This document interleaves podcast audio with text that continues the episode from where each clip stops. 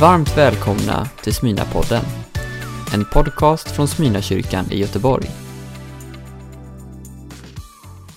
Nu ska vi gå till en av Bibelns allra mest spännande historier och det är historien om Ester. Jag har varit fascinerad av Esters historia ända sedan jag var liten tjej. Kanske är det för att jag gillar sagor. Och Esters historia är faktiskt nästan som en saga. För det handlar om den föräldralösa flickan som också var en flykting som får både kungen och halva kungariket. Du får inte höra så mycket om Ester själv idag. Men om du hänger med i våra gudstjänster framöver här i januari så kommer du bli mycket väl bekant med hennes historia. Men jag rekommenderar dig då att läsa faktiskt Esters bok i Gamla testamentet. Om du vill kan du också höra berättelsen som en parafras och ligger i länken under den här gudstjänsten. Så lyssna gärna på det. Ju mer jag umgås med historien, ju mer uppfattar jag att just den här historien är som ett tilltal rakt in i den tiden som du och jag befinner oss i just nu. Och det är Mordokais episka ord som ligger till grund för hela vår böneperiod som vi går in i nu. Och det är de här orden, vem vet? Kanske är det just för en tid som denna som du uppnått kunglig värdighet. Och vår bön nu då, för böneveckorna som ligger framför oss, det är att du ska förstå att det är ett samband. Ett starkt, tydligt, djupt samband mellan ditt liv och tiden som vi lever i. Mellan Andens liv i dig och den andliga tomheten som är runt dig och mellan församlingens framtid och stadens behov. Vi ber en bön. Herre Jesus Kristus, tackar dig för att du är just här, just nu, mitt i våra liv. Och tack att du talar, Herre, med din egen heliga Ande. Jag ber att du justerar oss om det skulle vara nödvändigt där det är nödvändigt. Så vi lever i rytm och i takt med tiden. Amen. Ja, nu ser ni att jag står framför en karta. Visst är den vacker? En vacker gammal karta och vi befinner oss i, vår böne, i vårt bönerum i Smyrnakyrkan. Här ber vi oss varma för världen för Sverige, för Göteborg och för dig som sänder in dina böneämnen till oss, människor vi möter. Och eh, det här är Smyrnas alltså andliga värmerum och pannrum, brukar jag kalla det för. Och vår historia nu då om Ester, den utspelar sig ju i en annan del av världen. Den utspelar sig i Mellanöstern och det är mänsklighetens vagga. För i Mellanöstern så möter vi de första stora världsrikena.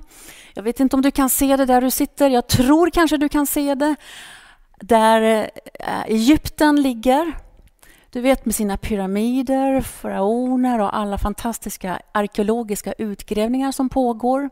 Sen förflyttade sig makten lite norr till det assyriska riket. Och där är såklart Syrien som vi känner till en väldigt central del i det riket. Sen kom det babyloniska riket och tog över och makten och centrum förflyttade sig till Babylon. Och Babylon, det är det du och jag känner som Bagdad. Du har säkert hört om de eh, hängande trädgårdarna i Babylonien. Och det var också det folket då, då som förstörde faktiskt Salomos tempel och tog judar som krigsfångar med till Babylonien.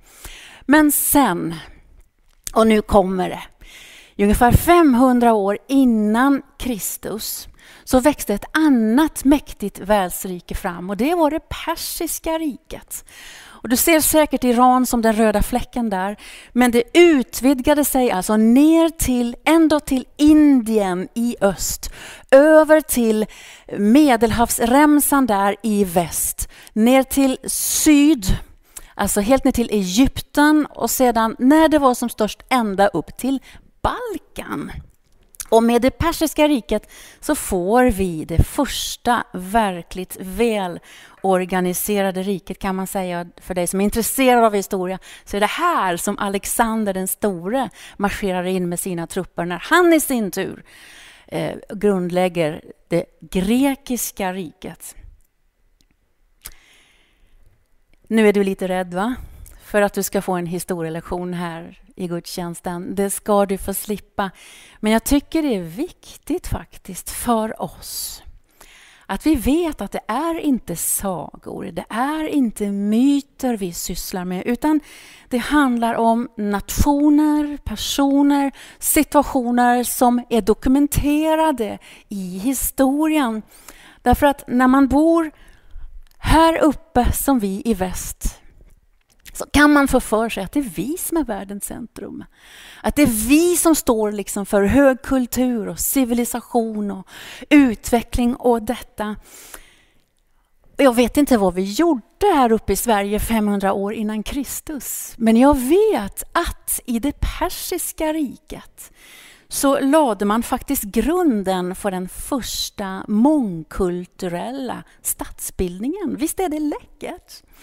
Och kung Cyrus då, han öppnade nämligen upp för minoritetskulturer att frodas och finnas och blomma till och med i och inom det persiska riket. Samma Cyrus tog fram den första deklarationen för mänskliga rättigheter. Jag tycker det är lite intressant och roligt att veta för vi har så många iranier i vår kyrka. Vi har också väldigt många iranier i vårt land, faktiskt mer än 120 000. Men nu då. Nu ska vi ge oss in i den här spännande historien om Ester. Och den börjar med en riktig, riktigt stor fest. Det är kung Xerxes. Han älskade fester. Han var en riktig så här partyprisse.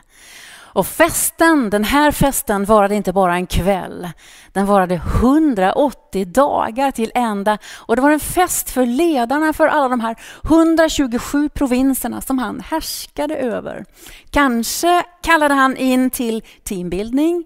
Kanske var det strategidagar, jag vet inte. Men det vi vet var att det var mycket mat, mycket vin och dans och lyx inblandat i det hela.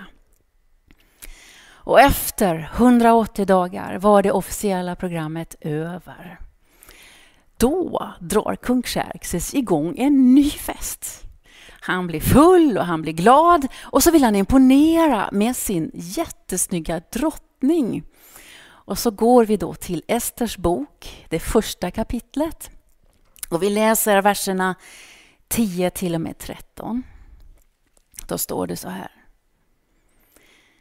Den sjunde dagen, när kungens hjärta var glatt av vinet, befallde han att de skulle föra in drottning Vasti inför kungen med kunglig krona på huvudet. Han ville låta folken och furstarna se hennes skönhet, för hon var vacker att se. Men drottning Vasti vägrade komma när kungen genom sina hovmän befallde henne det. Då blev kungen mycket vred och vreden brann inom honom. Kungen frågade då de visa män som förstod sig på tiderna. Som förstod sig på tiderna, att se under ytan. Visa män, visa kvinnor som förstår sig på tiderna. Här tycker jag nämligen det brinner till. Det pratas om kloka människor som har kunskap och insikt om tiderna. Som inte bara ser den polerade ytan utan ser under ytan och bakom fasader. Och då vill jag fråga dig. Hur ser du på tiden? Vi lever ju i väldigt speciella tider. När jag scrollar på Facebook så ser jag väldigt många som skriver nu inför det nya året att de har aldrig varit med om någonting liknande som 2020. Jag säger samma. Och 2020 går till historien som ett svårt, dystert år. Ett annorlunda år. Och året som ligger framför oss nu är osäkert. Vaccinet är igång, men vi vet inte hur lång tid det tar innan vi får det de kallar för flockimmunitet. Vi vet inte heller någonting om alla mutationer som vi hör dyker upp. Så hur ser du på situationen? Tycker du kanske att allt var bättre förr? Innan du blev sjuk, innan du skilde dig, innan corona? Eller hoppas du kanske allt blir bättre sen? Bara vi får ett vaccin. Bara vi får leva som vanligt igen eller bara vi får flyttat in i den nya kyrkan i Frihamnen. Men frågan är ju, vad säger du och jag om en tid som denna? Alltså inte det som var förr, inte det som kommer sen, utan det som är just nu. Här och nu. Jesus pratade mycket med sina lärjungar om att de skulle känna tiden, tolka tiden. Bad oss att lära av naturen. När jorden är varm och träden knoppas, då vet vi att sommaren kommer. Och när jorden är frusen och snön faller, då vet vi att det är vinter. Och på samma sätt vill Gud att hans folk ska känna igen, inte bara naturens utvecklingsstadier, men att vi ska förstå andliga tecken i vår egen samtid. Att förstå tiden handlar om att känna till det som var, vara öppen för det som kommer, men fokuserad på det som är och se under ytan på egen samtid. Därför att mitt i politik, mitt i psykologi, relationer, ja mitt i livet finns nämligen också andliga skeenden. Därför kallas vi att se djupare och vi kallas att se på ett sådant sätt att vi förstår vad som händer. Och den kallelsen går ut till hela Guds folk, till alla tider. Varje generation i varje tidsperiod är kallad av Gud att se vad i den egna kulturen vi ska bekräfta, vad vi bör konfrontera och vad vi ska låta ligga.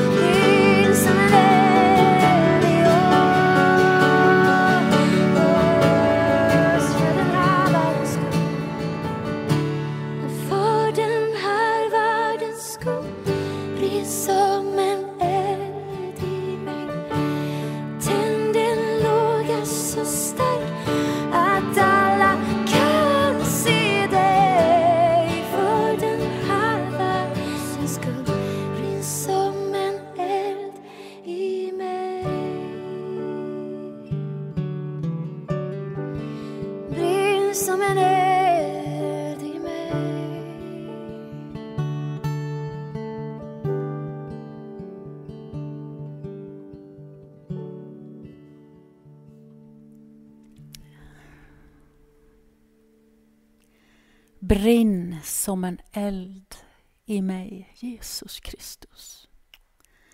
Det brinner till i Esters historia också. Och boken börjar med en kvinna som egentligen bara har en biroll, men hon är värd att minnas och det är drottning Vasti. Hon vägrar komma till den här festen som är nog någonting som liknar mest en Oscarsfest egentligen. Men hon sensar att det är någonting som är fel under den bländande ytan. Fast de köper alltså inte bilderna som läggs ut på Pinterest med perfekta miljöer och middagar. Faller inte heller för frestelsen att umgås med rätt personer, de med politisk makt och de med ekonomiskt inflytande. Hon ser under ytan. Kanske är detta den första beskrivningen vi har i historien av en kvinna som säger nej till en man med makt. Drottning Vasti har ingen lust i världen att visas upp som en statuspryl inför en massa berusade män med lystna blickar. Och i vår tids metoo-dagar så tror jag att Vasti faktiskt skulle vara en hjälte. Hon avslöjar att bara en urholkad människosyn reducerar kvinnan till en statuspryl. Sexobjekt. Och jag beundrar henne alltså. Att hon vågar stå emot det enorma politiska trycket därför att detta är inte bara Vasti emot kungen. Detta är Vasti mot hela det mäktiga persiska imperiet. Men tillbaka till dig och mig och vår historia. Hur kan vi se under ytan just nu? I en tid som just denna. Hur ska vi förstå en tid som denna? Jag menar när karta terräng inte stämmer. Därför vi vet ju att frosten kommer inte som den brukar och bör när det är vinter, utan vi får bara varmare och varmare vintrar, eller hur? En utveckling som vi inte minst av respekt för generationen som kommer efter oss måste söka att förstå. Eller när man stormar demokratins hjärta i USA, då är det en skrämmande parallell till hur antidemokratiska krafter 1933 utnyttjade branden i riksdagshuset i Berlin för att börja en resa mot totalitärt styre. När karta och terräng inte stämmer, hur ska vi då förstå tiden? Ja, vi ska gå till en av huvudpersonerna i historien. Han heter Mordecai.